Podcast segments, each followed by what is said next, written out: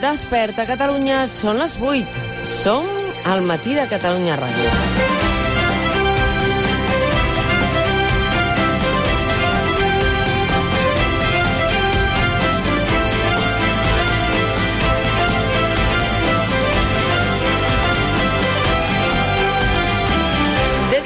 Catalunya deixa enrere eh, les fases. Diumenge queda alliberada l'estat d'alarma, també de les directrius que marca el Ministeri de Sanitat.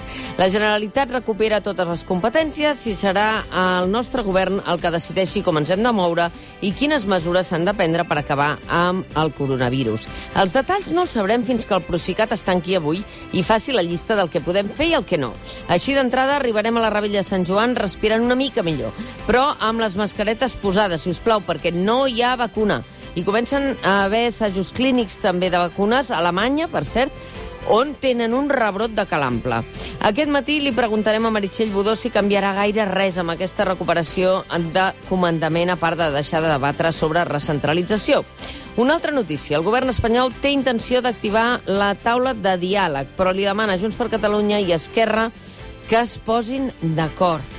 I som aquí. Ara que de tant en tant ja ens podem treure la sirena de l'ambulància, ara hem de recuperar la toga de la sala de vistes. Mireu, Cas Palau. Dijous, com a tard, entraran a presó Fèlix Millet, Jordi Montull i Daniel Osàcar. Cas Consell Esportiu de l'Hospitalet. L'enrenou s'amplia perquè el consistori està sacsejat. Ahir Jaume Graells denunciava la poca voluntat d'aclarir els fets a l'Ajuntament de Núria Marín, que no vol parlar fins que no s'enllesteixi la investigació judicial. El cas Wubi, pendents del jutjat de Manresa després de 18 mesos des de l'agressió racista del Mossos d'Esquadra. Miquel Bucaí, contundent, va dir que quan s'identifiqui els responsables d'aquestes vexacions i d'aquests insults racistes se'ls expulsarà del cos. Però la pregunta és, col·laboren els sis agents? Avui parlarem amb so racisme, perquè sembla que no. I una altra qüestió, vist per sentència el cas contra la cúpula dels Mossos d'Esquadra amb el major Josep Lluís Trapero a l'epicentre, l'Audiència Nacional. Haurem passat d'aquella acusació de rebel·lió a no sabem encara què dirà la sentència. Però després d'escoltar l'advocada penalista Olga Tubau durant més de 9 hores, el tribunal ho tindrà difícil per no absoldre el major, la intendent La Plana, César Puig i Pere Soler, defensats també pels advocats Morales i Martell perquè les proves, bàsicament, són la credibilitat que vulgui atorgar al tribunal al coronel Diego Pérez de los Cobos, que ha convertit cada intervenció al Suprem i a l'Audiència en el seu personal casus belli contra el major Trapero.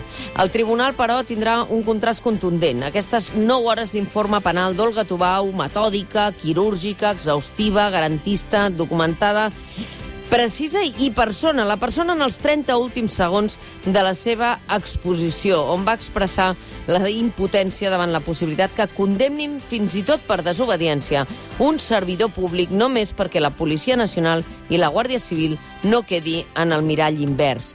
Olga Tubau va deixar aquestes paraules de l'exministre de Justícia Manuel Alonso Martínez, pare de la Constitució del 1876.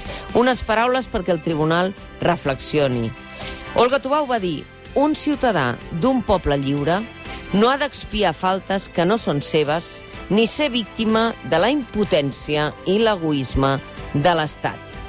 I quina és l'esperança que tenim amb tot plegat? Doncs allò que han de fer i poden fer els representants polítics, que és resoldre els conflictes polítics, no ho continuïn penjant a l'esquena del sistema judicial, perquè presons, sentències i condemnes no fan desaparèixer els conflictes socials i polítics, només fabriquen una societat amb ferides difícils de cosir. Assaigs magnífics, el d'Àngela Davis sobre si hauríem d'abolir les presons. Recupereu el racó de pensar d'ahir amb en Xavier Antic i en David Fernández que en parlàvem. Ara bé, la dinàmica de judicialització política és tan llaminera, tan espectacular, tan efectista i tan còmoda pels partits polítics que fins que el sistema judicial no es planti i no resolgui amb contundència arxivant casos i alçant la seva veu per no mantenir aquest rol de braç polític, no ens en sortirem.